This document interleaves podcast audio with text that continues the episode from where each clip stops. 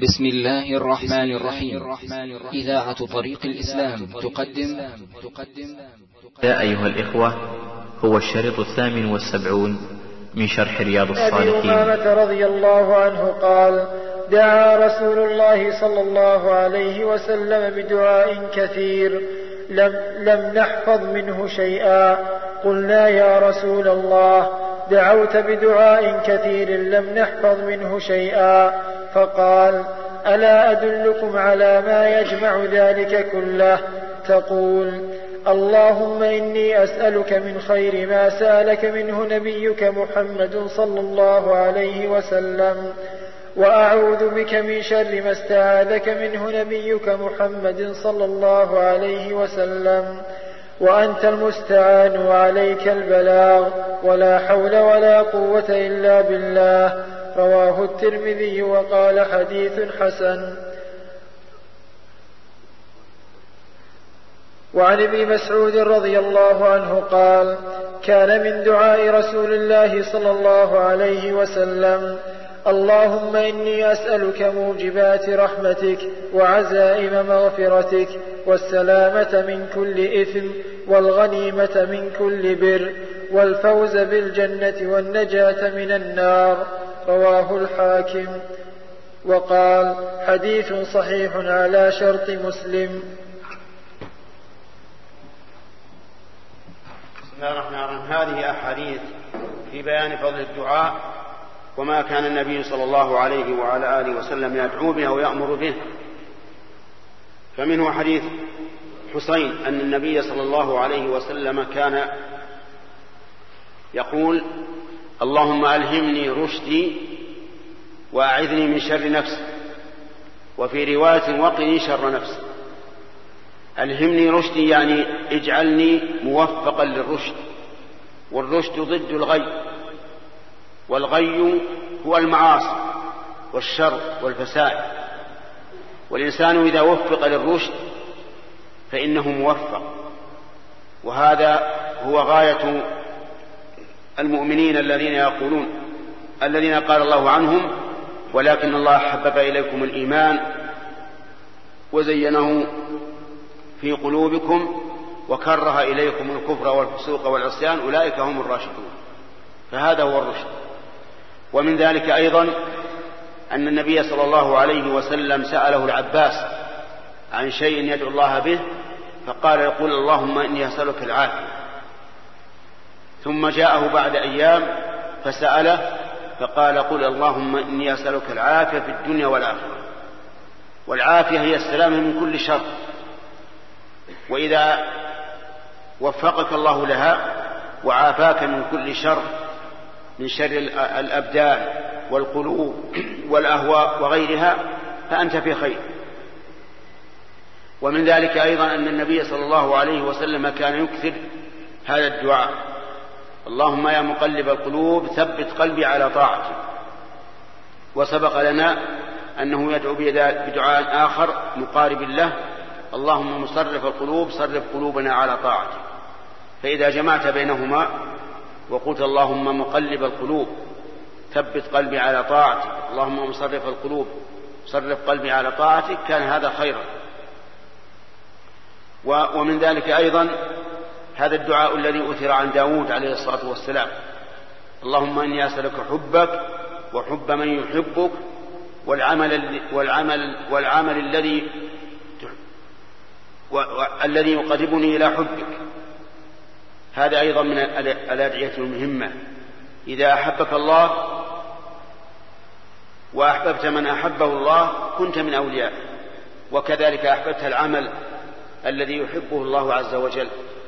فهذا أيضا من الدعاء الذي ينبغي للإنسان أن يلزمه دائما.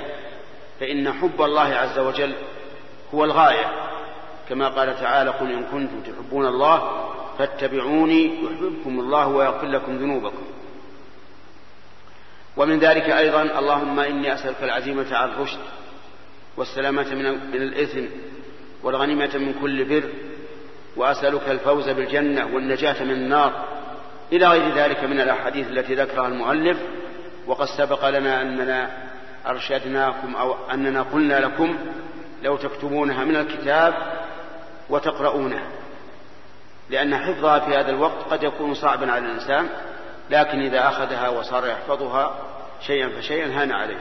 والله موفق.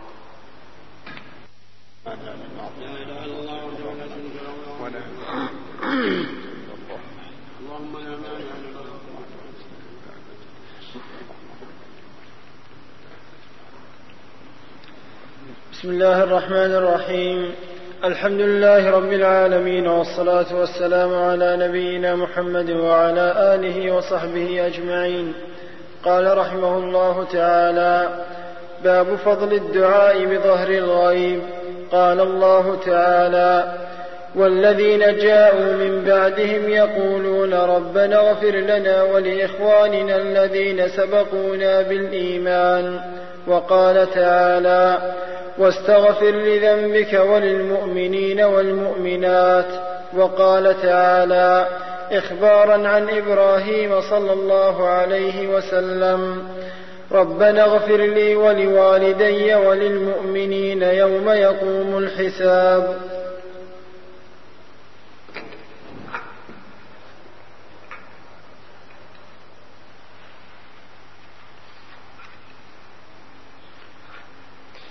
عن أبي الدرداء رضي الله عنه أنه سمع رسول الله صلى الله عليه وسلم يقول ما من عبد مسلم يدعو لأخيه بظهر الغيب إلا قال الملك ولك بمثل رواه مسلم.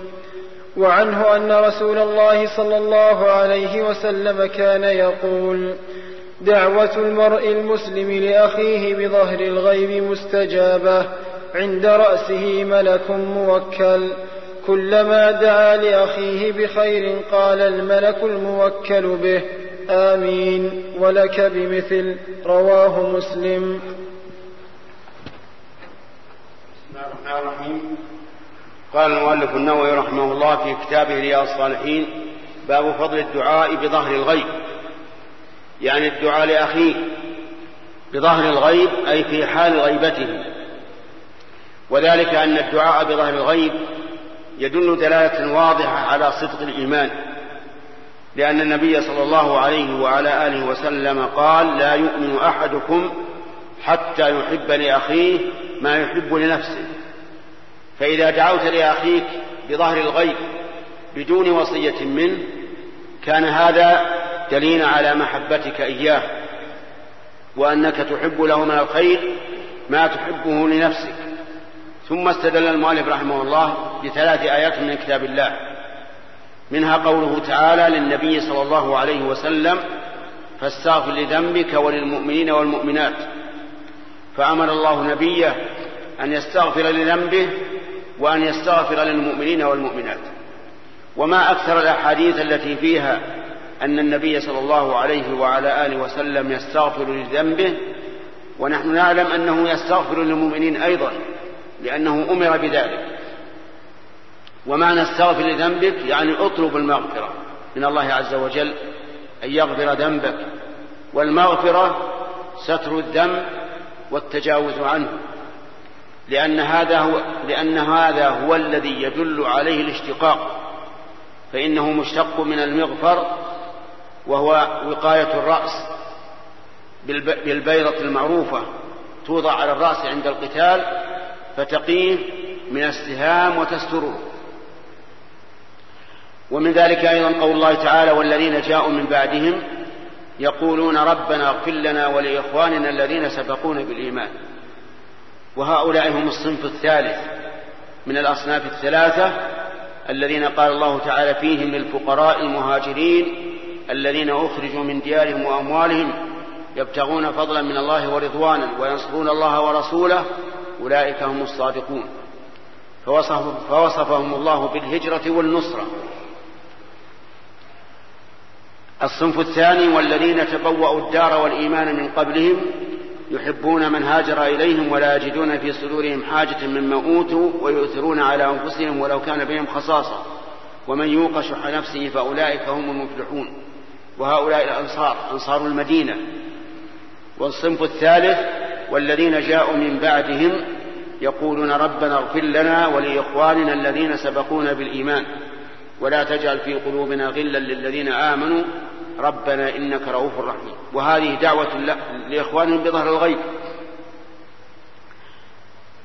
وأما الآية الثالثة فقال إبراهيم عليه الصلاة والسلام ربنا اغفر لي ولوالدي وللمؤمنين يوم يقوم الحساب. فقول وللمؤمنين هذا دعاء للمؤمنين بظهر الغيب. إذا الدعاء للمؤمنين بظهر الغيب من طرق الرسل عليهم الصلاة والسلام ومن سبيل الرسل. ومن ذلك أننا نحن في صلاتنا ندعو لإخواننا بظهر الغيب. كلنا يقول السلام علينا وعلى عباد الله الصالحين وهذا دعاء. وقد قال النبي صلى الله عليه وعلى آله وسلم إنكم إذا قلتم ذلك فقد سلمتم على كل عبد صالح في السماء والأرض. فأنت إذا قلت السلام علينا وعلى عباد الله الصالحين فهو دعاء لإخوانك بظهر الغيب. ثم ذكر المؤلف حديث أبي الدرداء بلفظيه أن الإنسان إذا دعا لأخيه بظهر الغيب قال الملك آمين ولك بمثل يعني لك بمثل ذلك. فالملك يؤمن على دعائه إذا دعوت لأخيك بظهر الغيب ويقول لك مثله. وهذا يدل على فضيلة هذا. لكن هذا في من لم يطلب منك أن تدعو له. أما من طلب منك أن تدعو له فدعوت له فهذا كأنه شاهد كأنه يسمع كلامك لأنه هو الذي طلب منه. لكن إذا دعوت له بظاهر الغيب بدون أن يخبرك بدون أن يطلب منك فهذا هو الذي فيه الأجر وفيه الفضل. والله موفق.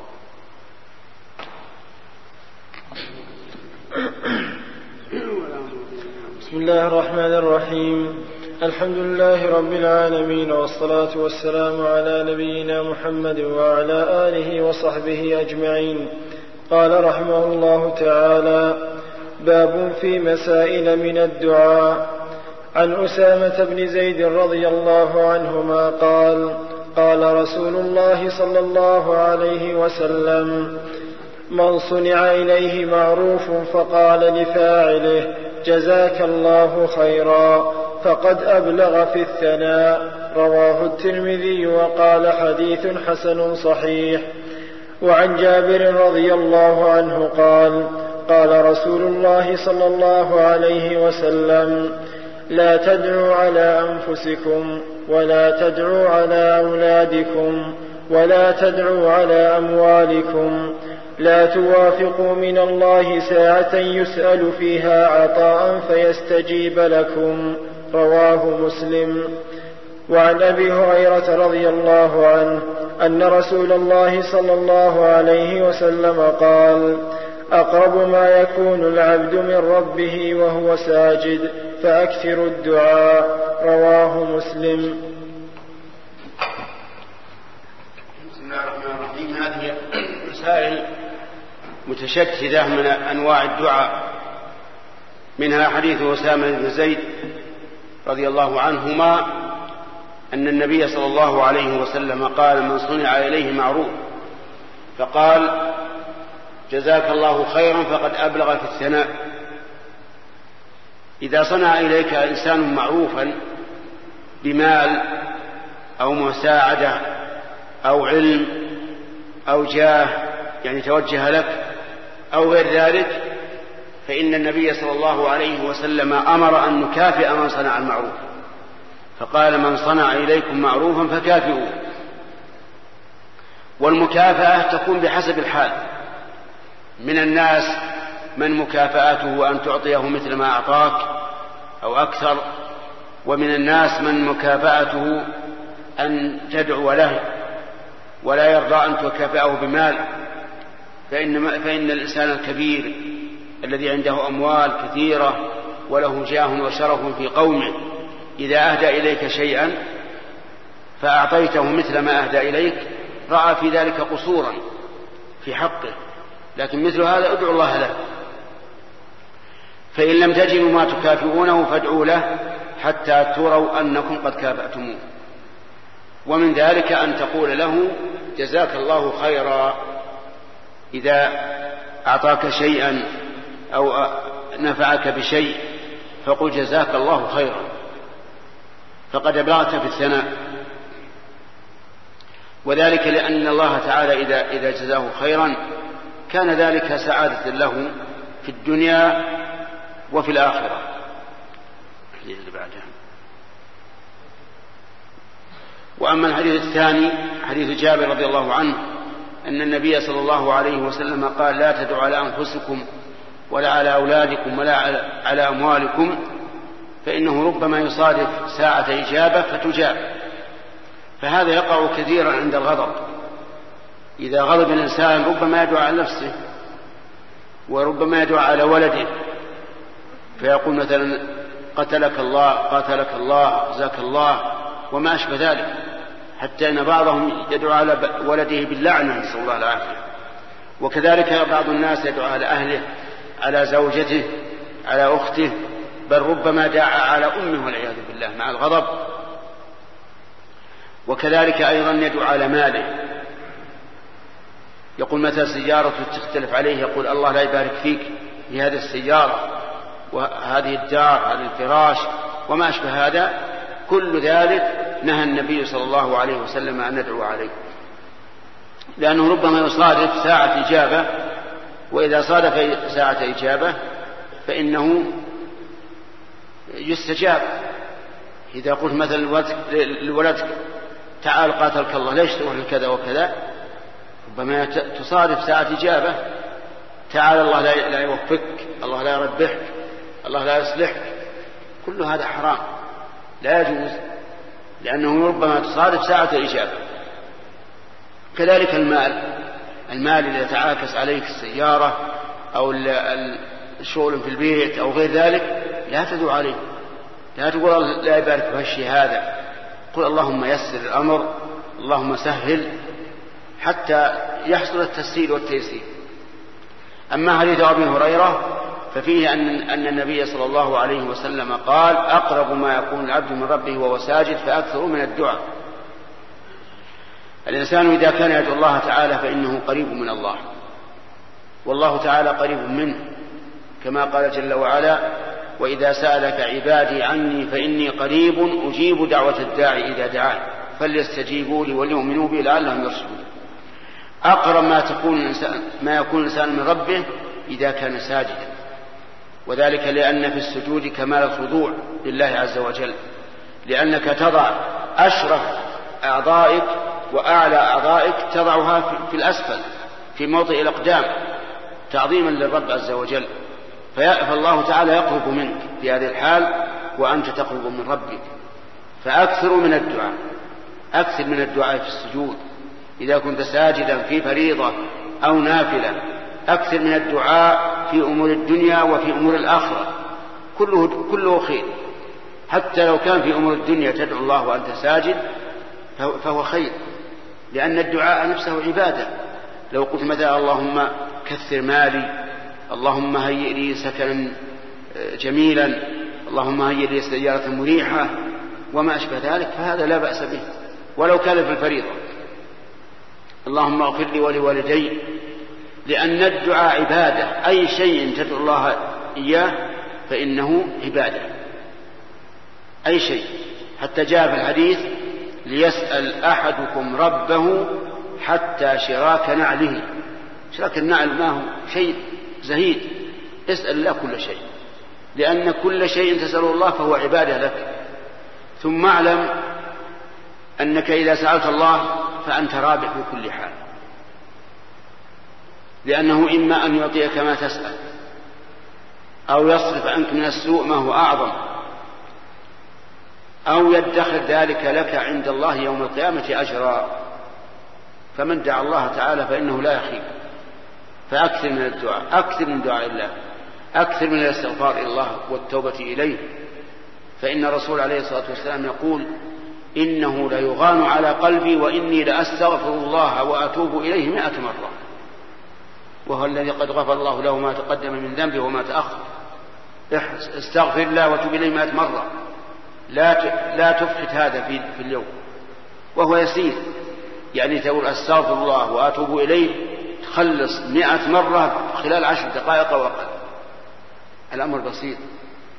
تحصل على خير وعلى الاقتداء بالرسول عليه الصلاة والسلام. والله الموفق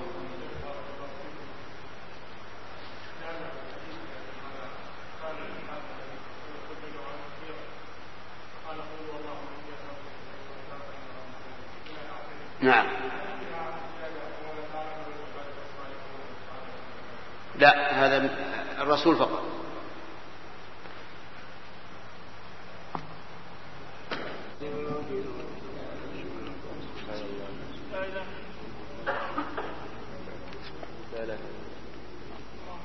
اللهم لا مانع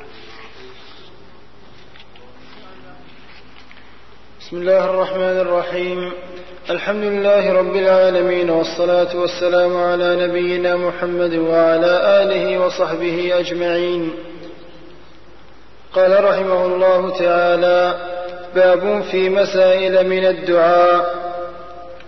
عن أبي هريرة رضي الله عنه أن رسول الله صلى الله عليه وسلم قال يستجاب لأحدكم ما لم يعجل. يقول قد دعوت ربي فلم يستجب لي متفق عليه. وفي رواية لمسلم لا يزال يستجاب للعبد ما لم يدع بإثم أو قطيعة رحم ما لم يستعجل. قيل يا رسول الله ما الاستعجال؟ قال يقول قد دعوت وقد دعوت فلم أر من يستجب لي فيستحسر عند ذلك ويدع الدعاء. وعن أبي أمامة رضي الله عنه.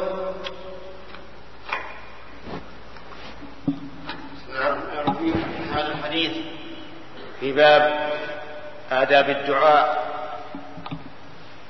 عن أبي عن أبي هريرة رضي الله عنه أن النبي صلى الله عليه وعلى آله وسلم قال يستجاب لأحدكم ما لم يعجل. يعني أن الإنسان حري أن يستجيب الله دعاءه إلا إذا عجل. ومعنى العجلة فسرها النبي صلى الله عليه وعلى آله وسلم بأنه يقول دعوت ودعوت فلم أر من يستجيب لي. فحينئذ يستحسر ويدعو الدعاء. وهذا من جهل الإنسان لأن الله سبحانه وتعالى لا يمنعك ما دعوته به إلا لحكمة أو لوجود مانع يمنع من وجوب الدعاء من إجابة الدعاء. ولكن إذا دعوت الله فادعو الله تعالى وأنت مغلب للرجاء على اليأس حتى يحقق الله لك ما تريد. ثم إن أعطاك الله ما سألت فهذا مطلوب. وإن لم يعط ما سأل وإن لم يعطك ما سألت فإنه يدفع عنك من البلاء أكثر. وأنت لا تدري. أو يدخر ذلك لك عند الله يوم القيامة. فلا تيأس ولا تستحسر ادع. ما دام ما دام الدعاء عبادة فلماذا لا تكثر منه؟ أكثر منه. استجاب الله لك أم لم يستجب؟ ولا تستحسر ولا تسيء الظن بالله عز وجل. فإن الله تعالى حكيم. يقول الله تعالى عسى أن تكرهوا شيئا وهو خير لكم وعسى أن تحبوا شيئا وهو شر لكم. نسأل الله أن يوفقنا وإياكم لما يحب ويرضى. سبحان الله سبحان الله سبحان الله. لا إله إلا الله اللهم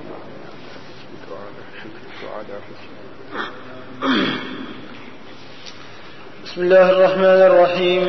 الحمد لله رب العالمين والصلاة والسلام على نبينا محمد وعلى آله وصحبه أجمعين. قال رحمه الله تعالى باب في مسائل من الدعاء.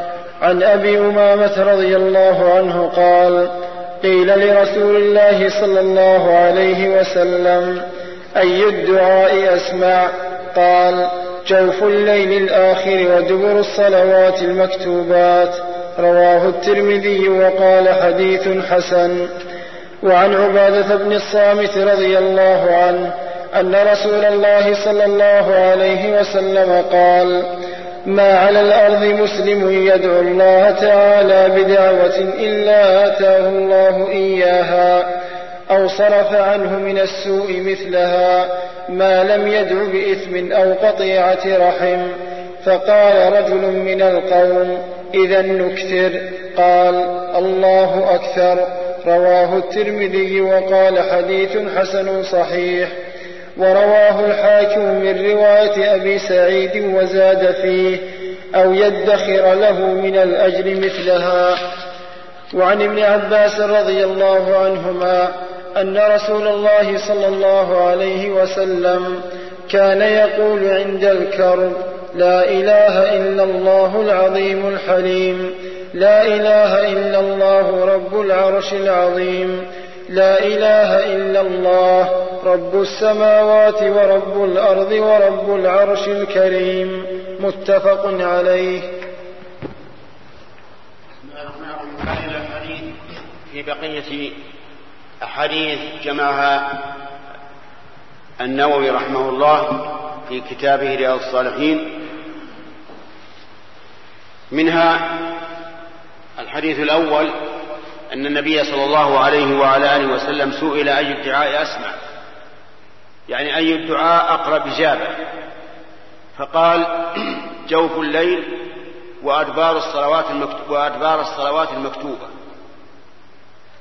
جوف الليل الآخر يعني آخر الليل. وذلك أن الله تعالى ينزل إلى السماء الدنيا حين يبقى ثلث الليل الآخر فيقول من يدعوني فأستجيب له. من يسألني فأعطيه. من يستغفرني فأغفر له. فينبغي للإنسان أن يجتهد بالدعاء في هذا الجزء من الليل رجاء الإجابة. الثاني أدبار الصلوات المكتوبات. وأدبار الصلوات يعني أواخرها. وهذا قد أرشد إليه النبي صلى الله عليه وسلم حين ذكر التشهد ثم قال بعد ذلك ثم ليتخير من الدعاء ما شاء. وليس المراد بأدبار الصلوات ما بعد السلام لأن ما بعد السلام الصلوات ليس محل دعاء إنما هو محل ذكر لقول الله تعالى فإذا قضيتم الصلاة فاذكروا الله قياما وقعودا وعلى جنوبا ولكن المراد بأدبار الصلوات المكتوبة أواخر أواخر الصلوات المكتوبة. ثم ذكر المؤلف حديث أبي أمامة رضي الله عنه أن أنه ما من مسلم يدعو الله تعالى بشيء إلا أعطاه ما سأل أو صرف عنه من السوء مثل ذلك أو ادخر له أجرها عند عنده يوم القيامة. وقد سبق لنا بيان هذا وبينا أنه لا لا يخيب من سأل الله بل لا بد أن يحصل له واحد من هذه الأمور الثلاثة. إلا أن يدعو بإثم أي بشيء محرم فإنه لا يستجاب له لأن الدعاء بالإثم ظلم. وقد قال الله تعالى إنه لا يفلح الظالمون. وأما الحديث الأخير فهو في دعاء الكرب أن النبي صلى الله عليه وسلم كان يقول لا إله إلا الله العظيم الحليم لا إله إلا, الله رب العرش الكريم رب العرش العظيم. لا إله إلا الله رب السماوات ورب الأرض ورب العرش الكريم. فهذه الكلمات إذا قالها الإنسان عند الكرب كانت سببا لتفريج كربه. والله موفق.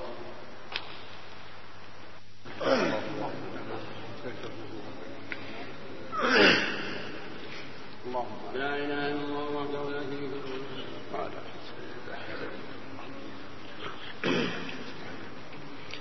بسم الله الرحمن الرحيم. الحمد لله رب العالمين والصلاة والسلام على نبينا محمد وعلى آله وصحبه أجمعين. قال رحمه الله تعالى باب كرامات الأولياء وفضلهم. قال الله تعالى ألا إن أولياء الله لا خوف عليهم ولا هم يحزنون. الذين آمنوا وكانوا يتقون. لهم البشرى في الحياة الدنيا وفي الآخرة. لا تبديل لكلمات الله. ذلك هو الفوز العظيم. بسم الله الرحمن الرحيم. قال المؤلف رحمه الله تعالى محيي الدين النووي في كتابه رياض الصالحين. باب كرامات الأولياء وفضلهم.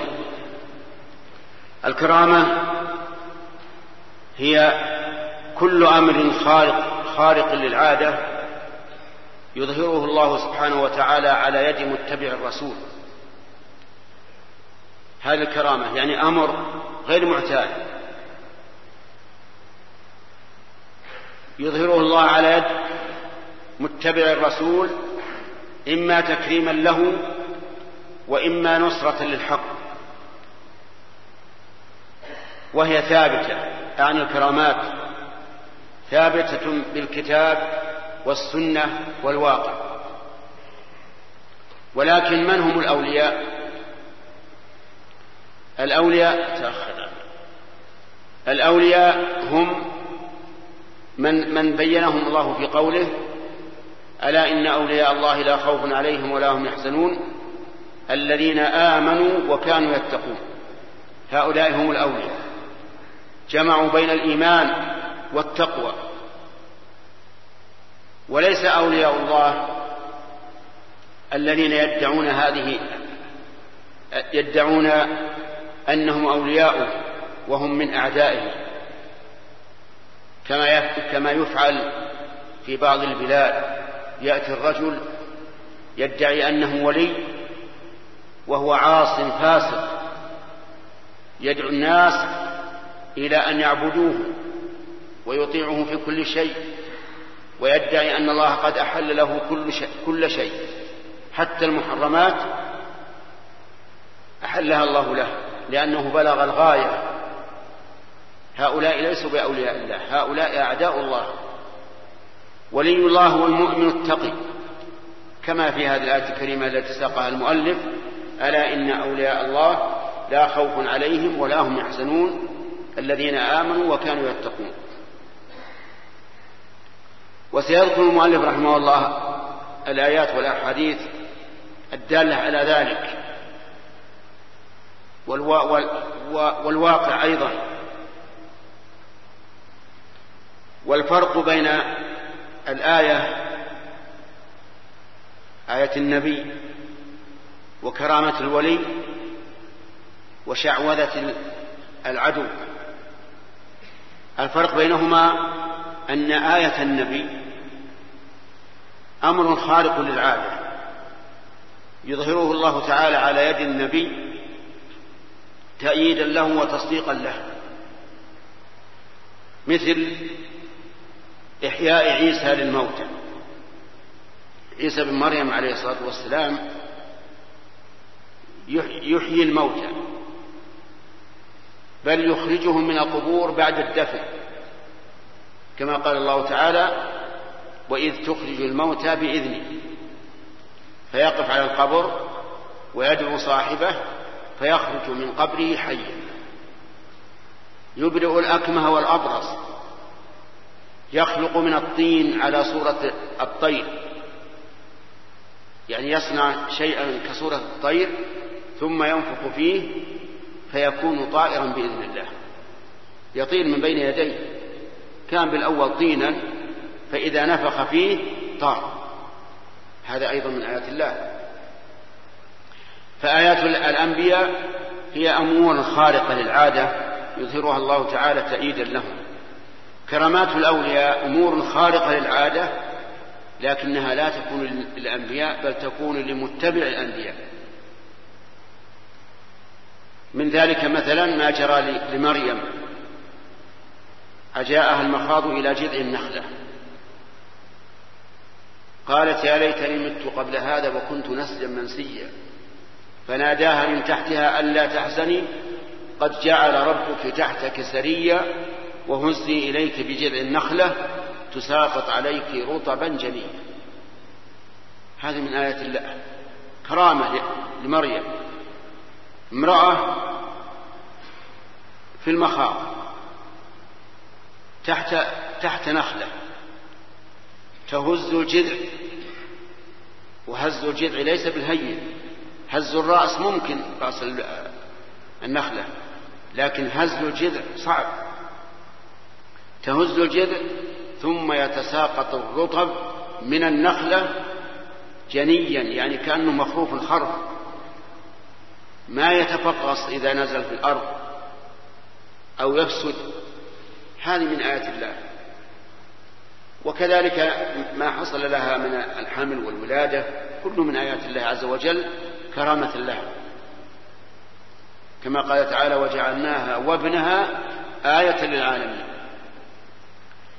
أما الثالث الذي يخرجه الله يظهره الله على يد المشعوذين الذين يستخدمون الجن يظهرها الله عز وجل على أيديهم فتنة لهم وفتنة بهم فإنه يوجد من الناس من يأتي بأشياء خارقة للعادة لكنه ليس وليا فنقول كرامة ومعلوم أن أيضا أنه ليس بنبي لأنه لا نبي بعد محمد.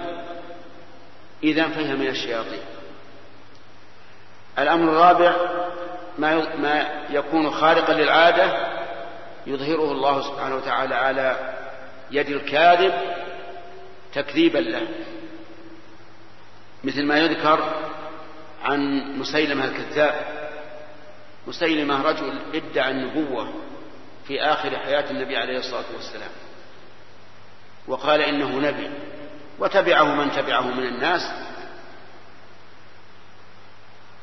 وفي يوم من الأيام أتاه قوم أهل حرث يشكون إليه أن أن بئرهم قد غار ماؤها ولم يبق فيه إلا القليل. فطلبوا منه أن يأتي على البئر ويمج فيه من ريقه لعله يعود الماء. ففعل فأعطوه ماء فتمضمض به ثم مجه في البئر. وكان في البئر شيء من الماء. ولما مجه في البئر غار الماء كله. ما بقي شيء. هذا لا شك إنه آية يعني خارق للعادة. لكن الله تعالى جعله إهانة لهذا الرجل الكذاب وإظهارا لكذبه. فهذه أربعة أشياء. آية النبي وكرامة الولي وشعوذة المشعوذ وإهانة الكاذب المفتري. كلها أمور خارقة للعادة لكن تختلف بحسب من أظهرها الله من أظهره الله من أظهرها الله على يديه. ويأتي إن شاء الله الكلام على الآيات التي ذكرها المؤلف. بسم الله الرحمن الرحيم.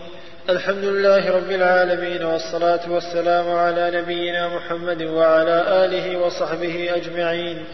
قال رحمه الله تعالى باب كرامات الأولياء وفضلهم. قال الله تعالى كلما دخل عليها زكريا المحراب وجد عندها رزقا قال يا مريم أنى لك هذا. قالت هو من عند الله. إن الله يرزق من يشاء بغير حساب.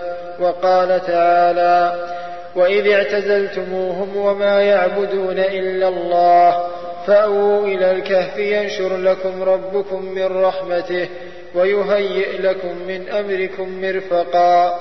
وترى الشمس إذا طلعت تزاور عن كهفهم ذات اليمين وإذا غربت تقرضهم, تقرضهم ذات الشمال وهم في فجوة منه. الآية.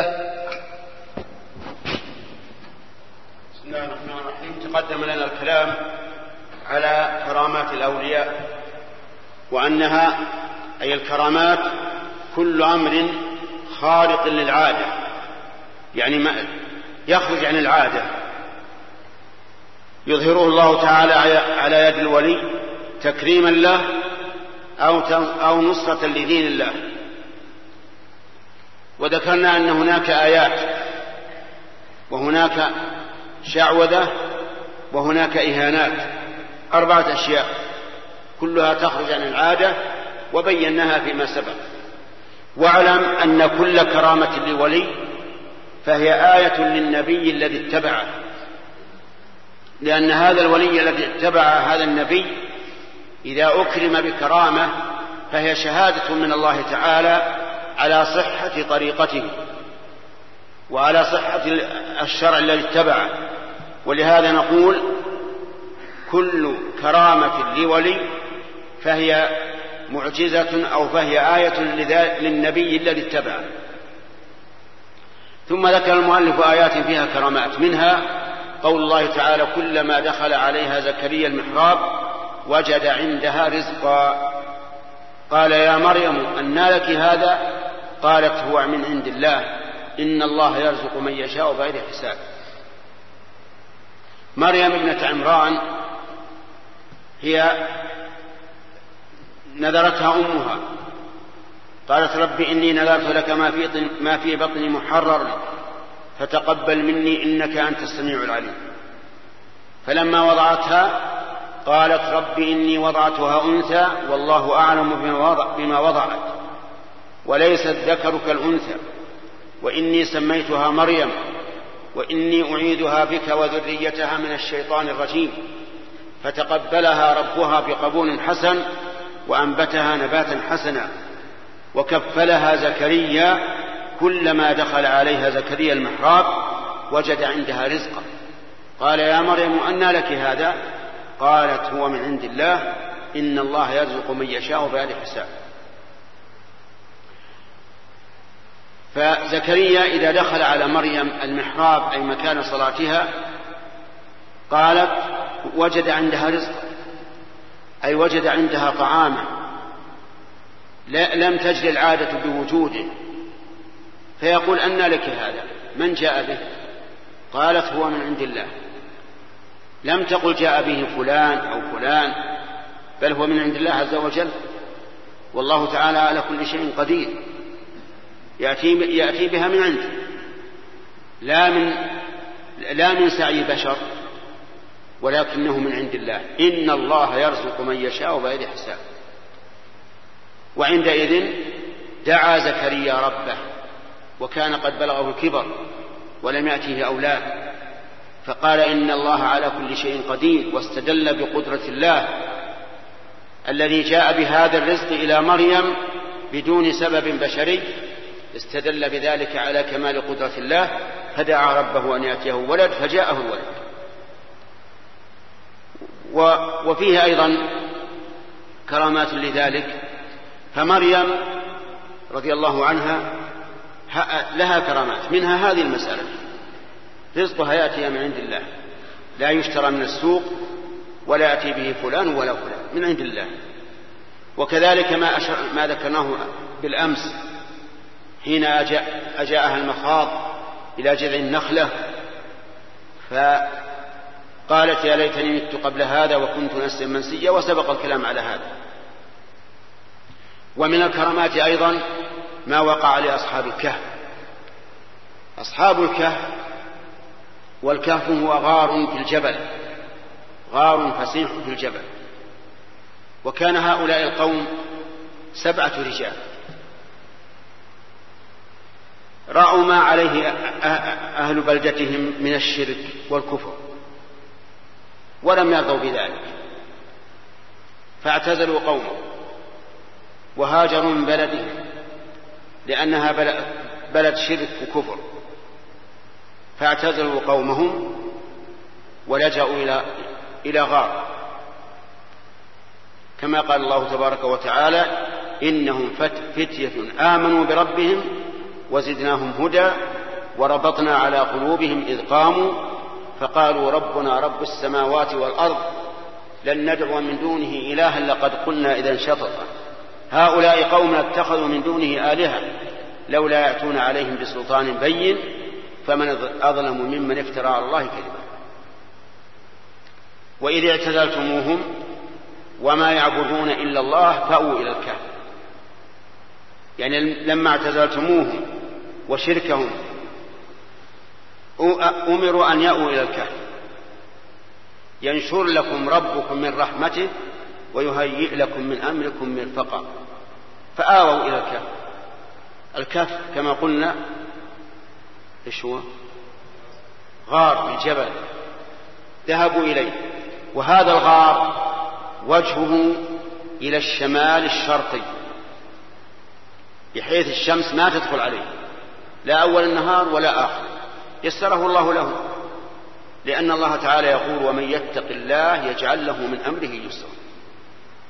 وإلا فهؤلاء خرجوا يريدون وجه الله فيسر الله أمرهم آووا إلى الكهف وألقى الله عليهم النوم.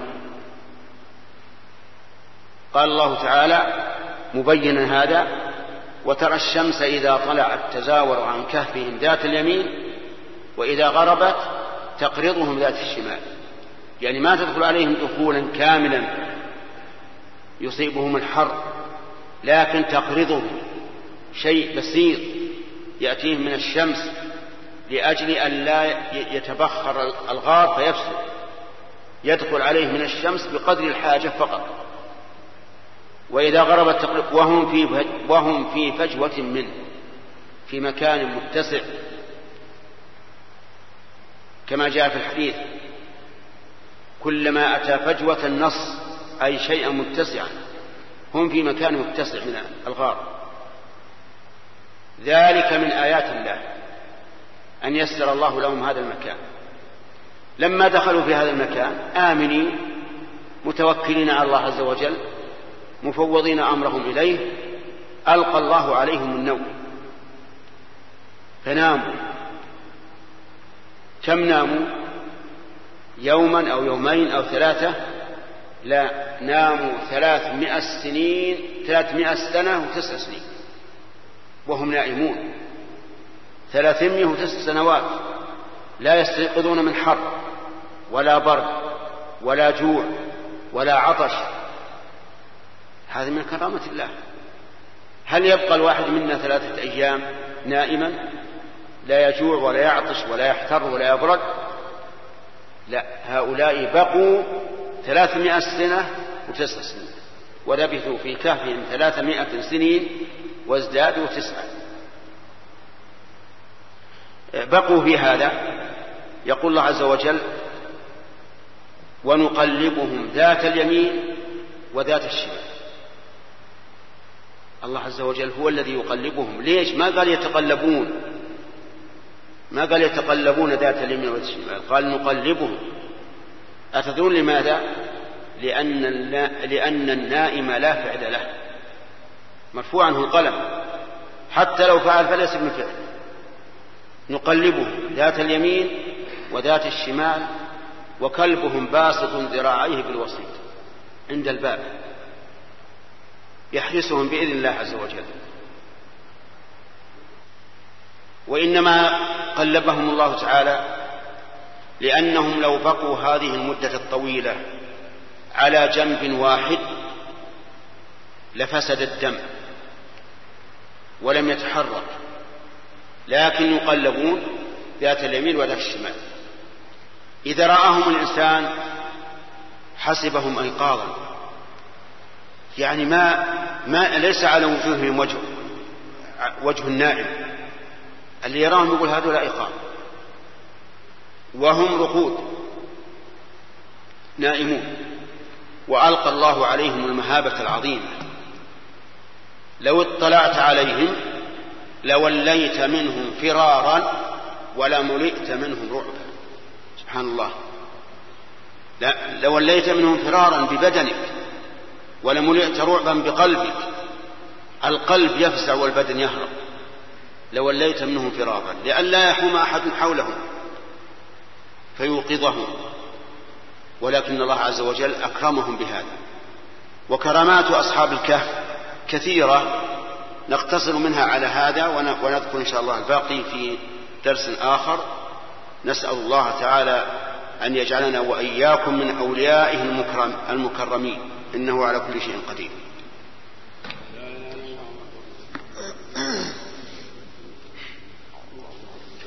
بسم الله الرحمن الرحيم. الحمد لله رب العالمين والصلاة والسلام على نبينا محمد وعلى آله وصحبه أجمعين. قال رحمه الله تعالى باب كرامات الأولياء وفضلهم. قال الله تعالى وإذ اعتزلتموهم وما يعبدون إلا الله فأووا إلى الكهف ينشر لكم ربكم من رحمته. ويهيئ لكم من أمركم مرفقا وترى الشمس إذا طلعت تزاور عن كهفهم ذات اليمين وإذا غربت تقرضهم ذات الشمال وهم في فجوة منه. الآية.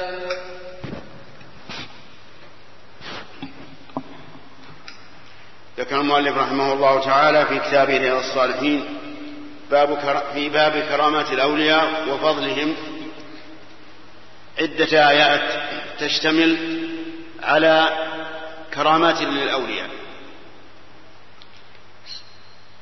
ومنها قصة أصحاب الكهف. وكانوا فتية آمنوا بالله واعتزلوا قومهم وخرجوا من بلدهم. فهيأ الله لهم كهفا يعني غارا واسعا في الجبل فدخلوا فيه فألقى الله عليهم النوم. فناموا ثلاثمائة مئة سنة وتسع سنين. وهم نيام لم يحتاجوا إلى أكل ولا شرب ولم تتأثر أبدانهم. وكان الله تعالى يقلبهم ذات اليمين وذات الشمال. وهذا من كرامة من كرامات الله لهم. أن الله تعالى هيأ لهم مقرا آمنا. حتى إن الله يقول لو اطلعت عليهم لوليت منهم فرارا ولملئت منهم رعبا. ما حد ما حد يحوم حولهم. ومن كرامات الله لهم أنهم بقوا هذه المدة ثلاثمائة سنة وتس وتسع سنين ولم يتغير منهم ظفر ولا شعر ولا غير. مع أن العادة أن الأظفار تطول والشعور تطول لكن هؤلاء لم تطل أظفارهم ولا شعورهم وبقوا كأنما ناموا بالأمس. ولهذا قال الله تعالى وكذلك بعثناهم ليتساءلوا بينهم. قال قائل منهم كم لبثتم في هذا النوم؟ قالوا لبثنا يوما أو بعض يوم. وإنما قالوا ذلك لأنهم لم يتغير منهم شيء. وأما ما ذكر بعض بعض الناس أنهم طالت أظفارهم وشعورهم فهذا خطأ. لأنه لو كان كذلك لعرفوا أنهم بقوا مدة طويلة ولكنهم لم يتغيروا. ومن كرام من كرامات الله لهم أن الله أبقاهم على هذه النومة حتى أبدل الله ملكهم الظالم بملك صالح. لما استيقظوا بعثوا واحدا منهم إلى البلدة يأتي بطعام لهم. وكان معهم نقود سابقة من النقود التي لها ثلاثمائة سنة وتسع سنين. فلما جاءوا يشترون من البلدة ودفعوا النقود تعجب أهل البلدة من أين هذه النقود؟ حتى أطلع الله الناس عليه. فهذا من كرامات الله لهم ويحسن أن تجمع هذه الآيات وغيرها وتتأمل ويستخرج ما فيها من كرامة الله من الكرامات الدالة على قدرة الله عز وجل. وعلى أنه تبارك وتعالى أكرم من خلقه. إذا تعبد الإنسان له بما يرضى أعطاه الله تعالى ما يرضى. والله موفق. سبحان الله سبحان الله. اللهم لا مانع لما ولا وعلى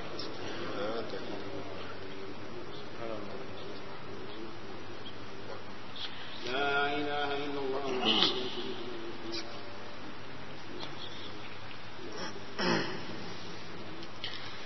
بسم الله الرحمن الرحيم.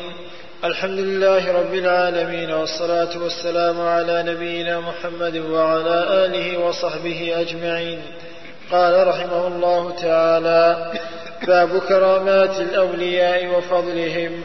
قال الله تعالى ألا إن أولياء الله لا خوف عليهم ولا هم يحزنون. الذين آمنوا وكانوا يتقون.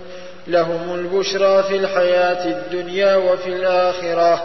لا تبديل لكلمات الله. ذلك هو الفوز العظيم. بسم الله الرحمن الرحيم. قال المؤلف رحمه الله تعالى في كتابه رياض الصالحين باب كرامات الأولياء وفضلهم. ثم صدر المؤلف هذا الباب بهذه الآية ألا إن أولياء الله لا خوف عليهم ولا هم يحزنون الذين آمنوا وكانوا يتقون. وتقدم الكلام على أولها وأن الله تعالى بين أن أولياءه هم المؤمنون المتقون. ألا إن أولياء الله لا خوف عليهم ولا هم يحزنون الذين آمنوا وكانوا يتقون. وقد أخذ شيخ الإسلام ابن تيمية رحمه الله من هذه الآية عبارة عبارة قال فيها من كان مؤمنا تقيا كان لله وليا. فيقول الله عز وجل إن هؤلاء الأولياء لا خوف عليهم ولا هم يحزنون. لا خوف عليهم فيما يستقبل من أمرهم ولا هم يحزنون على ما مضى من أمرهم لأنهم أدركوا معنى الحياة الدنيا. فعملوا عملا صالحا وآمنوا بالله واتقوه وآمنوا بالله واتقوه. فصاروا من أولياء. ثم قال لهم البشرى في الحياة الدنيا وفي الآخرة. البشرى يعني البشارة في الحياة الدنيا وفي الآخرة. والبشارة في الحياة الدنيا أنواع أنواع فمنها الرؤيا الصالحة. يراها المؤمن أو ترى له. يعني يرى في المنام ما يسره. أو يرى أو يرى له أحد من أهل الصلاح ما يسره. مثل أن يرى أنه يبشر بالجنة أو أن أحد أو يرى أحد من الناس أنه من أهل الجنة أو ما أشبه ذلك. أو يرى على هيئة صالحة. المهم أن النبي صلى الله عليه وسلم قال في الرؤيا الصالحة يراها الرجل أو ترى له قال تلك تلك عاجل بشرى المؤمن.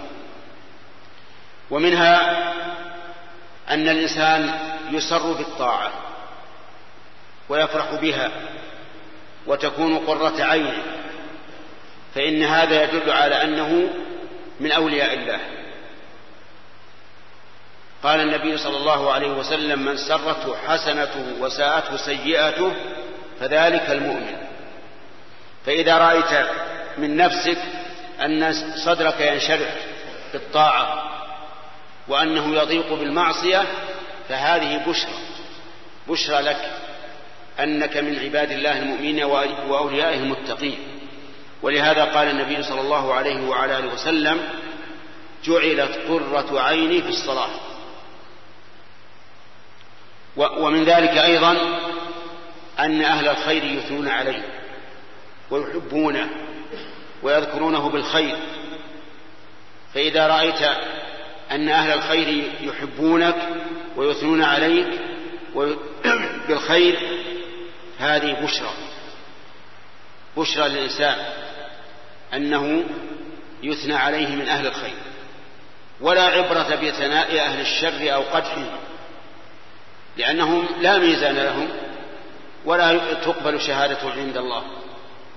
لكن أهل الخير إذا رأيت أنهم يثنون عليك وأنهم يذكرونك بالخير ويقربون منك ويتجهون إليك فاعلم أن فهذه بشرى من الله لك. ومنها من البشرى في الحياة الدنيا ما يبشر به العبد عند فراق الدنيا. حيث تتنزل عليهم الملائكة ألا تخافوا ولا تحزنوا وأبشروا بالجنة التي كنتم توعدون. نحن أولياؤكم في الحياة الدنيا وفي الآخرة لا تبديل ولكم فيها ما تشتهي أنفسكم ولكم فيها ما تدعون نزلا من غفور رحيم ومن البشارة أيضا أن الإنسان يبشر عند موته بشارة أخرى. فيقال لنفسه اخرجي أيتها النفس الطيبة كانت في الجسد الطيب اخرجي إلى رحمة من الله ورضوان فتفرح وتسر. ومن ذلك أيضا البشارة في القبر فإن الإنسان إذا سئل عن ربه ودينه ونبيه وأجاب بالحق نادى مناد من السماء أن صدق عبدي فأفرشوه من الجنة وألبسوه من الجنة وافتحوا له بابا إلى الجنة. ومنها أيضا البشارة في الحشر. تتلقاهم الملائكة. هذا يومكم الذي كنتم توعدون. وأبشروا بالجنة التي كنتم توعدون. فالمهم أن أولياء الله لهم البشرى في الحياة الدنيا وفي الآخرة. نسأل الله أن يجعلنا وإياكم منهم. لا تبديل لكلمات الله ذلك هو الفوز ذلك الفوز العظيم. يعني لا أحد يبدل كلمات الله. لا أحد يبدل كلمات الله تعالى. أما الكونية فلا يستطيع أحد أن يبدله. وأما الشرعية فقد يحرف أهل الباطل. كما فعل اليهود والنصارى بكتبهم حرفوها وبدلوها وغيروها. وأما الكلمات الكونية فلا أحد يبدلها. لا تبديل لكلمات الله ذلك هو الفوز العظيم. والله موفق. لا إله إلا الله وحده لا شريك له. الحمد لله رب العالمين والصلاة والسلام على نبينا محمد وعلى آله وصحبه أجمعين. قال رحمه الله تعالى باب كرامات الأولياء وفضلهم. عن عبد الرحمن بن أبي بكر الصديق رضي الله عنهما أن أصحاب الصفة كانوا أناسا فقراء وأن النبي صلى الله وأن النبي صلى الله عليه وسلم قال مرة من كان عنده طعام اثنين فليذهب بثالث ومن كان عنده طعام أربعة فليذهب بخامس بسادس أو كما قال وأن أبا بكر رضي الله عنه جاء بثلاثة وانطلق النبي صلى الله عليه وسلم بعشرة وأن أبا بكر تعشى عند النبي صلى الله عليه وسلم ثم لبث حتى صلى العشاء ثم رجع. فجاء بعدما مضى من الليل ما شاء الله. قالت امراته ما حبسك عن أضيافك؟ قال أو عشيتهم قالت أبوا حتى تجيء وقد عرضوا عليهم. قال فذهبت أنا فاختبأت. فقال يا غنثر فجدع وسب وقال كلوا هنيئا والله لا أطعمه أبدا. قال ويم الله ما كنا نأخذ من لقمة إلا ربا من أسفلها أكثر منها حتى شبعوا وصارت أكثر مما كانت قبل ذلك. فنظر إليها أبو بكر فقال لامرأته يا أخت بني فراس ما هذا؟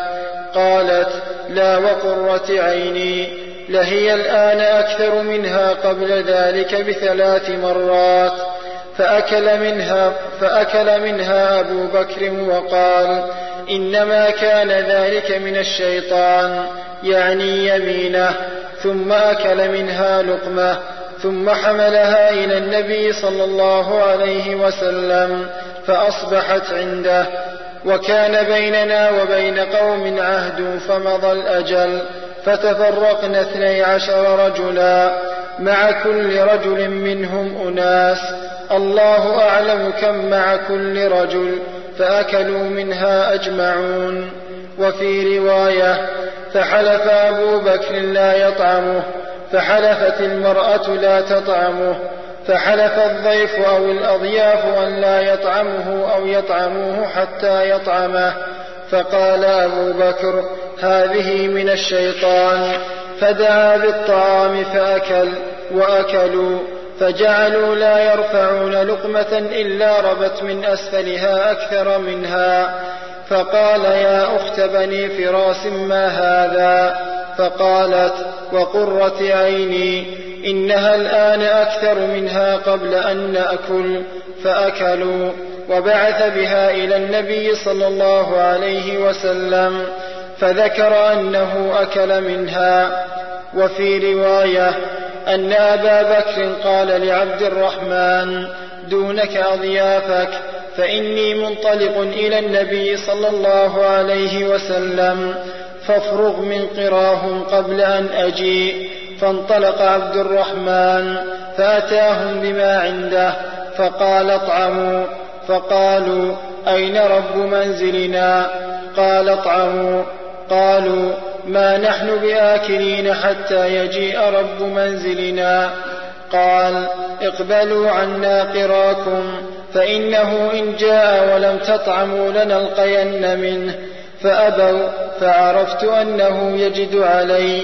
فلما جاء تنحيت عنه فقال ما صنعتم؟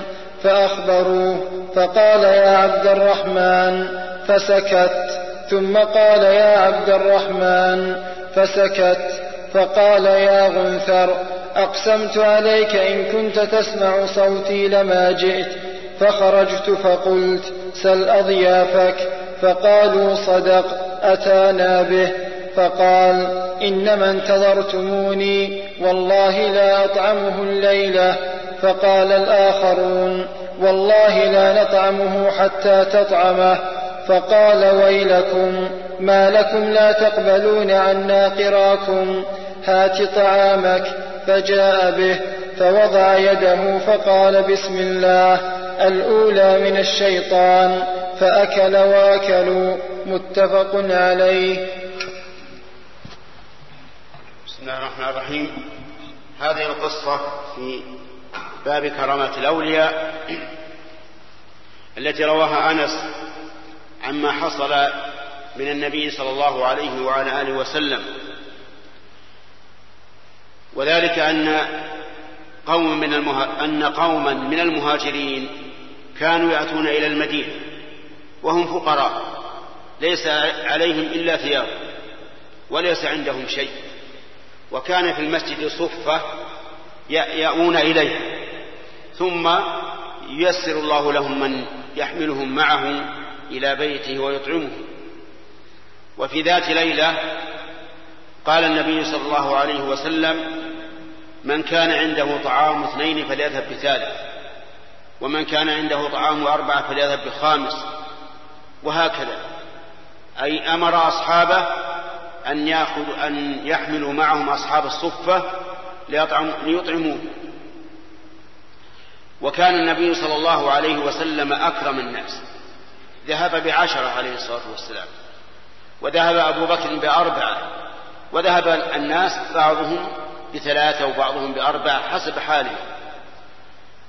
أبو بكر رضي الله عنه ذهب بأضيافه إلى إلى بيته. وأوصى ابنه عبد الرحمن أن يقوم بضيافته. وانطلق هو إلى النبي صلى الله عليه وعلى آله وسلم.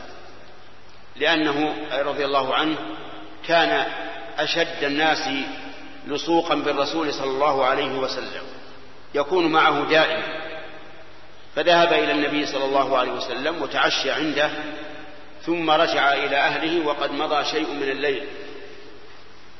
فسألهم أطعمتم أضيافكم؟ قالوا لا. فظن أنهم هم الذين تأخروا عن أضيافهم حتى يأتي أبو بكر. فجعل يسب ويجد ويجد ويجدع. يعني معناه أنه اشتد في سبه. ونادى ابنه عبد الرحمن يا عبد الرحمن فلم يجب. خوفا منه لأنه رضي الله عنه كان شديدا على أهله في تأديبه. فلم يجب خوفا من أن يتكلم عليه أو أن يضربه أو ما أشبه ذلك. حتى أقسم عليه أنه إذا كان يسمعه فليجبه. فأجابه. فقالوا فقال لهم يعني لماذا أخرتم ضيافة القوم؟ قالوا اسأل أضيافك. فسألهم قالوا نعم هم عرضوا علينا الضيافة ولكننا أبينا حتى تأتي. فأقسم رضي الله عنه أن لا يأكل. قال والله ما آكل. يعني أنكم تأخرتم على شاني إذا أنا لا آكل. فأقسم أن لا يأكل. فأقسم الأضياف أن لا يأكل. إكراما له.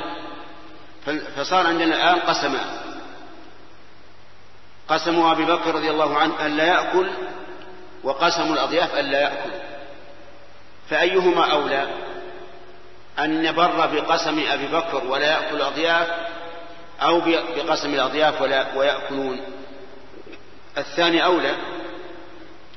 فقال رضي الله عنه إنما ذلك من الشيطان. يعني كونه يحلف أن لا يأكل هذا من الشيطان. ثم أكل وأكل الأضياف. لكن الكرامة التي حصلت أن الواحد منهم إذا أخذ لقمة من الإناء ارتفع الإناء. صار بدل اللقمة أكثر منها في نفس الإناء. من أين جاء هذا؟ من الله عز وجل. كرامة لأبي بكر رضي الله عنه وهو أفضل أولياء هذه الأمة على الإطلاق لأنه خير هذه الأمة. ثم انتهوا فبقي في الإناء أكثر مما كان فيه من قبل. فأخذه أبو بكر وذهب به إلى النبي صلى الله عليه وعلى آله وسلم ودعا النبي صلى الله عليه وسلم إليه أقواما فأكلوا. وإنما حمله أبو بكر ليريه النبي صلى الله عليه وعلى آله وسلم. وكيف كان هذه كان هذا الأمر؟ من عند الله عز وجل الذي بيده ملكوت كل شيء وإذا أراد شيئا فإنما يقول له كن فيكون.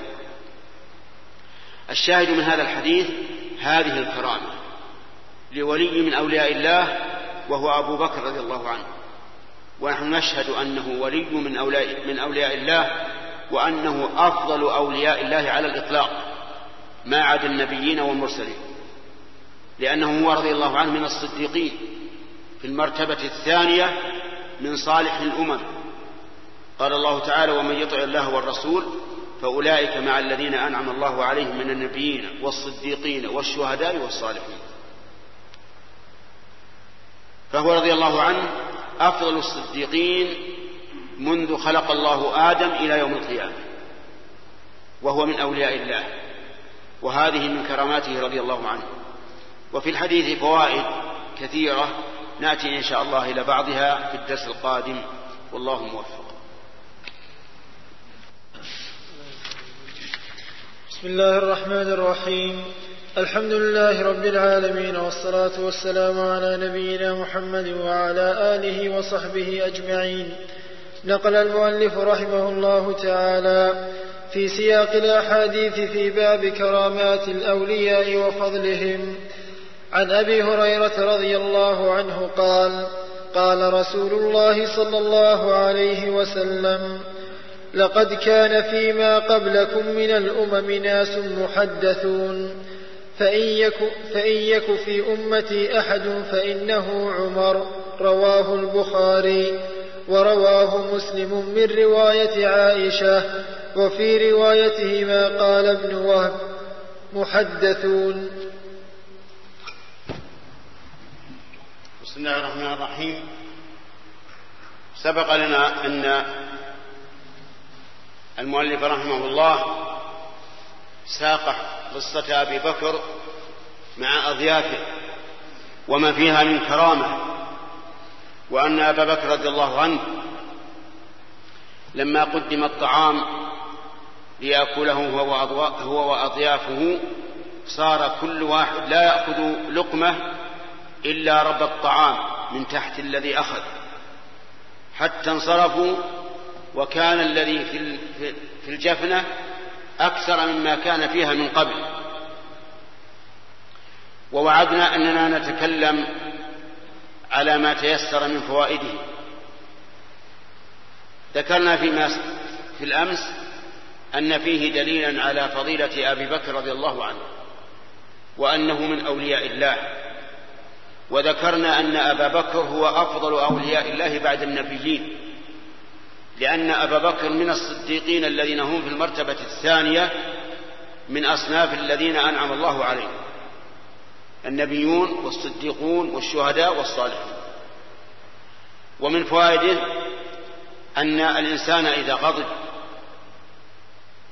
لسبب يقتضي الغضب فإنه لا يلام عليه. لأن أبا بكر غضب رضي الله عنه فسب وجدع.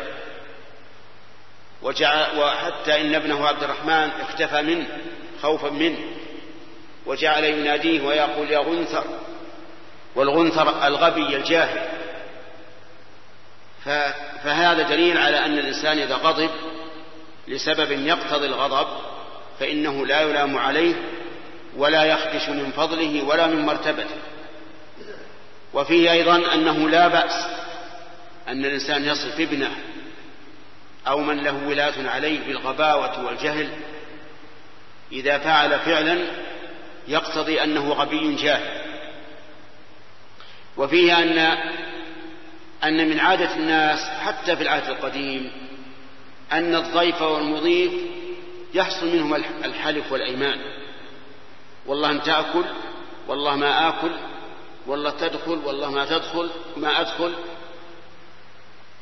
ولكنهم يحلفون بالله. يحلفون بالله. أما ما يفعله كثير من الجهلة اليوم يحلفون بالطلاق فهذا غلط. كثير من البادية إذا نزل به ضيف وخاف الضيف أن صاحب البيت يذبح له ذبيحة قال ترى علي الطلاق وعلي الحرام وامرأتي كأمي والعياذ بالله. إن ذبحت لي ذبيحة حرام ما يجوز. من كان حالفا فليحلف بمن؟ بالله أو ليصمت. فهذا لا لا يجوز. أما الحلف بالله فهذا قد جرت به العادة قديما وهو من عادات العرب وشيعهم. ومع هذا فالأفضل أنك إذا حلفت على إنسان أن تقرنها بكلمة إن شاء الله. تقول والله إن شاء الله. لأنك إذا قلت والله إن شاء الله استفدت فائدتين عظيمتين عظيمتين. الفائدة الأولى أن الله ييسر لك الأمر. والفائدة الثانية أنه إذا لم يتيسر لم يكن عليك كفارة. فاقرن يمينك دائما بقول إن شاء الله حتى تسلم من الحنث وحتى ييسر لك الأمر. ألم يأتكم نبأ سليمان عليه الصلاة والسلام؟ سليمان نبي الله.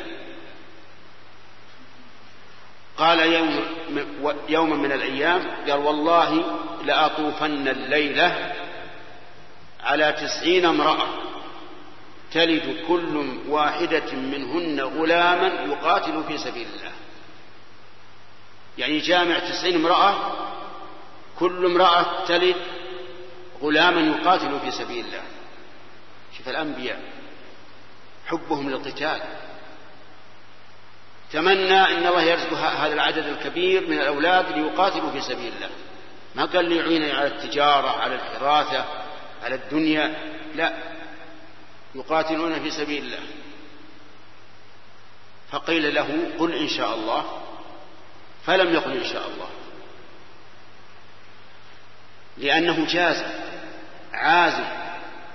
لكن وما تشاءون إلا أن يشاء الله. جامع تسعين امرأة في تلك الليلة. وقد أعطاه الله قوة. فما الذي حصل؟ ولدت واحدة منهن نصف إنسان. نصف إنسان مشلوك. سبحان الله العظيم. آية من آيات الله. ليري ليريه الله عز وجل أن الأمر بيد الله عز وجل. قال نبينا محمد صلوات الله وسلامه عليه لو قال إن شاء الله لم يحنث ولقاتلوا في سبيل الله.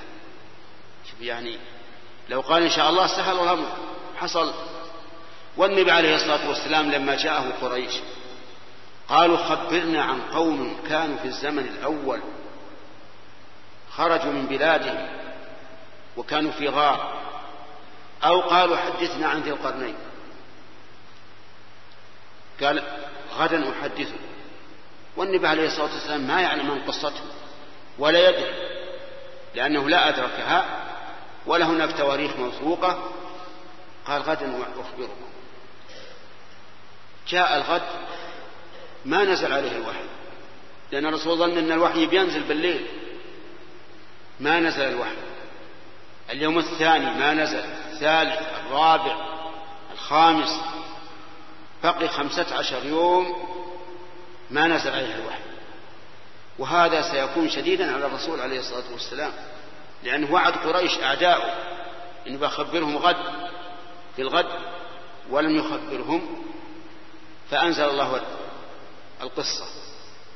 وقيل له ولا تقولن لشيء إني فاعل ذلك غدا إلا أن يشاء الله.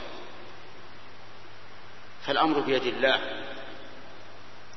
لهذا نقول إذا أردت أن تحلف أي حلف على نفسك على أولادك على ضيفك على أي إنسان اقرن ذلك بكلمة إن شاء الله لتحصل على هاتين الفائدتين وهما إيش؟ التيسير إن الله يسر الأمر ويعطيك ما ما حلفت عليه. والثاني أنه لو أخلفت الأمور فإنه لا كفارة عليك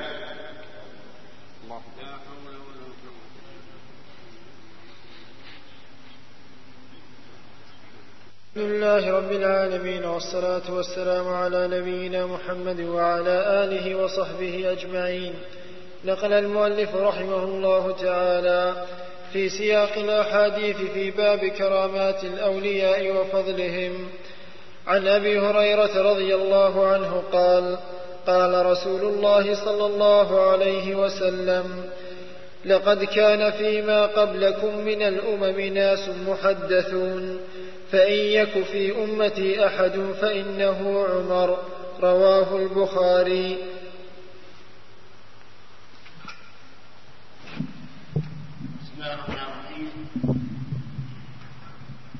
نريد أن نكمل الكلام على حديث أبي بكر رضي الله عنه. السابق مع أضيافه. ذكرنا أنه رضي الله عنه أقسم أن لا يأكل ثم أقسمها الأضياف لا يأكلوا فلما رآهم أقسموا أكل. ففي هذا دليل على أن الإنسان إذا حلف على شيء ورأى غيره خيرا منه فإنه يكفر عن يمينه ويفعل ما هو خير. وهذا قد دل عليه الحديث صريحا عن النبي صلى الله عليه وعلى آله وسلم. فقال إني والله إن شاء الله لا أحلف على يمين فأرى غيرها خيرا منها إلا أتيت الذي هو خير وكفرت عن يميني أو قال إلا كفرت عن يميني وأتيت الذي هو خير. فإذا حلفت أن لا تكلم فلانا. مثلا. فالأفضل أن تحنث تكفر عن يمينك وتكلمه. وإذا صار بينك وبينه شيء فقلت والله ما أطب عليه البيت ولا أزور. قلنا له زر زره وكفر عن يمينه ما لم يكن في ذلك إثم. وكذلك إذا حلف الإنسان على ولده. إن فعل شيئا ألا أكلمك ففعل الولد شيئا فليكلمه وليكفر عن يمينه. المهم أنك إذا حلفت على شيء ثم رأيت أن الخير في عدم وفائك باليمين فلا تفي بيمينك وكفر عنه. ومن فوائده من فوائد الحديث أن الإنسان إذا حلف على شخص يريد إكرامه ثم لم يفعل فإنه لا لا لا لا, لا كفارة عليه. لأن أبا بكر رضي الله عنه لم يكفر عن يمينه يعني لم ينقل أنه كفر. هكذا استدل بعض العلماء بهذا الحديث لكنه استدلال ضعيف. لأن حديث أبي بكر هذا ليس فيه أنه كفر ولا أنه لم يكفر. فهو إذن محتمل أن يكون كفر ولم يذكر ومحتمل أن يكون لم يكفر. لكن عندنا نصوص بينة واضحة على أن من حنث في يمينه فعليه الكفارة سواء كان الحنث من فعله أو من فعل غيره. وعلى هذا فنقول إذا حلفت على شخص إكراما له ولم يفعل فعليك الكفارة مثال ذلك وقفت أنت وشخص عند الباب. في دعوة دعاكم دعاكما إليها صاحب البيت. ففتح الباب فقال لك ادخل. قلت والله ما أدخل. والله أن تدخل أنت. قال لا أدخل. فهنا نقول إذا إذا دخلت فإنك تكفر عن يمينك. وإن كان حلفك من أجل الإكرام لكنك حنثت فإذا حنثت في يمينك فعليك الكفارة سواء كان ذلك إكراما أو أو حنثا أو غير ذلك. فإذا قال قائل أبو بكر رضي الله عنه هو الذي حلف أولا. وكان على الضيوف أن يبروا بيمينه ولكنهم حلفوا. فإذا تحالف اثنان أحدهما يقول كذا والثاني يقول كذا فأيهما أولى؟ قلنا الأولى أن يكون الذي حلف الأول هو الذي تبر يمينه لأنه أسبق. وقد أمر النبي صلى الله عليه وسلم بإبرار القسم. فعلى هذا فيكون الثاني هو الذي حصل منه نوع الخطأ. فإذا قلت والله لتفعلن كذا فقلت أنت والله لا أفعل. فأيهما الذي يقتضي يمينه الأول أو الثاني؟ الأول لأنه هو الذي حلف أولا لكن أبا بكر رضي الله عنه من تواضعه أكل من أجل إكرام الضيوف. وفي حديث أبي بكر رضي الله عنه من الفوائد أن أن الإنسان ينبغي له أن يكرم الضيف بل إكرام الضيف من من تمام الإيمان لقول النبي صلى الله عليه وسلم من كان يؤمن بالله واليوم الآخر فليكرم ضيفه. وحق الضيافة الواجب يوم وليلة. وثلاثة أيام سنة وما زاد على ذلك فهو أمر مباح. لكن الواجب يوم وليلة. وقد قيد بعض العلماء هذا بما إذا كان البلد ليس فيها مطاعم. أما إذا كان فيها مطاعم فلا يجب عليك. تقول له اذهب إلى المطعم لكن تعين بما تيسر من الفلوس. والصحيح في هذه المسألة أن الناس يختلفون. من الناس أي من الضيوف. من يرى أن ذهابه إلى المطعم فيه إهانة. فهذا لا بد أن تضيفه في بيتك. ومنهم من الأمر عنده سواء فهنا لا حرج عليك أن تقول يا أخي هذه دراهم اذهب إلى المطعم الفلاني. كذلك أيضا إذا كانت البلد فيها فنادق فإنه في هذه الحال لو قيل بأنه لا يجب كما قاله بعض أهل العلم لكان له وجه لأن الفندق يأتي إليه الشريف والوضيع وكل أحد.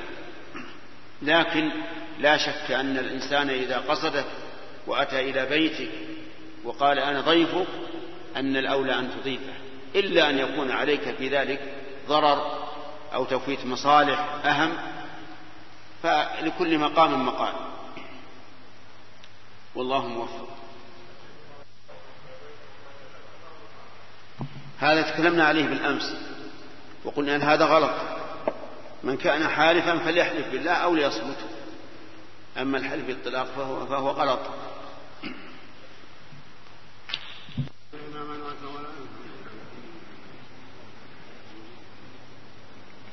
بسم الله الرحمن الرحيم. الحمد لله رب العالمين والصلاة والسلام على نبينا محمد وعلى آله وصحبه أجمعين. نقل المؤلف رحمه الله تعالى في سياق الأحاديث في باب كرامات الأولياء وفضلهم. عن أبي هريرة رضي الله عنه قال قال رسول الله صلى الله عليه وسلم لقد كان فيما قبلكم من الأمم ناس محدثون فإن يك في أمتي أحد فإنه عمر رواه البخاري. ورواه مسلم من رواية عائشة وفي روايتهما قال ابن وهب محدثون أي ملهمون ورواه, ورواه مسلم من رواية عائشة وفي روايتهما قال ابن وهب محدثون أي ملهمون وعن جابر بن سمرة رضي الله عنهما قال شكى أهل الكوفة سعدا يعني ابن أبي وقاص رضي الله عنه إلى عمر بن الخطاب رضي الله عنه فعزله واستعمل عليهم عمارا فشكوا حتى ذكروا أنه لا يحسن يصلي فأرسل إليه فقال يا أبا إسحاق إنها إن هؤلاء يزعمون أنك لا تحسن تصلي فقال أم أما أنا والله فإني كنت أصلي بهم صلاة رسول الله صلى الله عليه وسلم. لا أخرم عنها. أصلي صلاتي العشاء فأركد في, في الأوليين وأخف في الأخريين. قال ذلك الظن بك يا أبا إسحاق. وأرسل معه رجلا أو رجالا إلى الكوفة يسأل عنه أهل الكوفة. فلم يدع مسجدا إلا سأل عنه ويثنون, ويثنون معروفا حتى دخل ويثنون معروفا حتى دخل مسجدا لبني عبس فقام رجل منهم يقال له أسامة بن قتادة يكنى أبا سعدة فقال أما إذ نشدتنا فإن سعدا كان لا يسير بالسرية ولا يقسم بالسوية ولا يعدل في القضية. قال سعد أما والله لأدعون بثلاث. اللهم إن كان عبدك هذا كاذبا قام رياء وسمعة فأطل عمره وأطل فقره وعرضه للفتن. وكان بعد ذلك إذا سئل يقول شيخ كبير مفتون أصابتني دعوة سعد. قال عبد الملك بن عمير. قال عبد الملك بن عمير الراوي عن جابر بن سمرة فأنا رأيته بعد قد سقط حاجباه على عينيه من الكبر وإنه لا يتعرض للجواري في الطرق فيغمزهن. متفق عليه.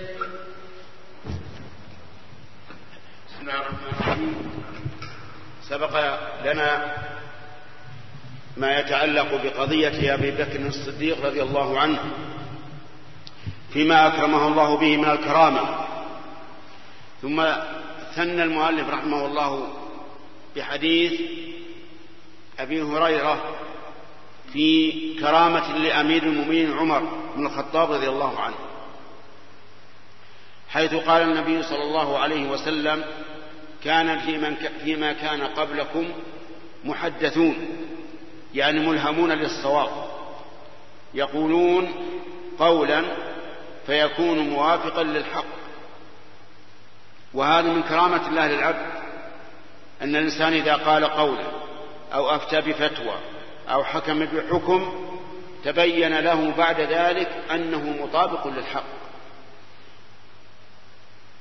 فعمر رضي الله عنه من أشد الناس توفيقا للحق. كما سيأتي إن شاء الله تعالى فيما يذكره المؤلف من أمثلة لذلك. قال النبي عليه الصلاة والسلام فإن يكن فيكم محدثون فعمر. يعني إن كان فيكم محدثون فعمر. ويحتمل قوله إن يكن فيكم أنه خطاب لقوم مجتمعين.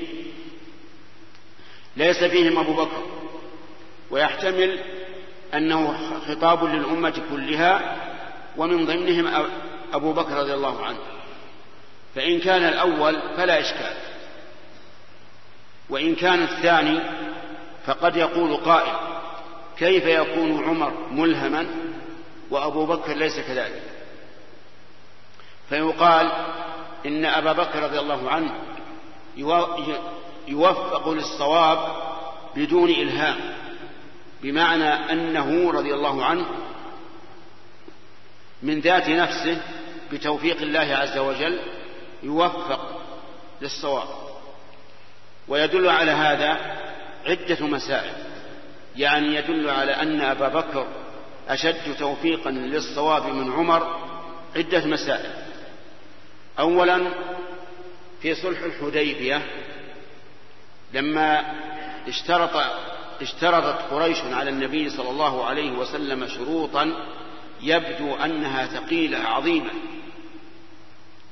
عمل عمر رضي الله عنه على إبطالها وجاء إلى النبي عليه الصلاة والسلام يراجعه في ذلك ويقول مع تحيات إخوانكم بإذاعة طريق الإسلام والسلام عليكم ورحمة الله وبركاته.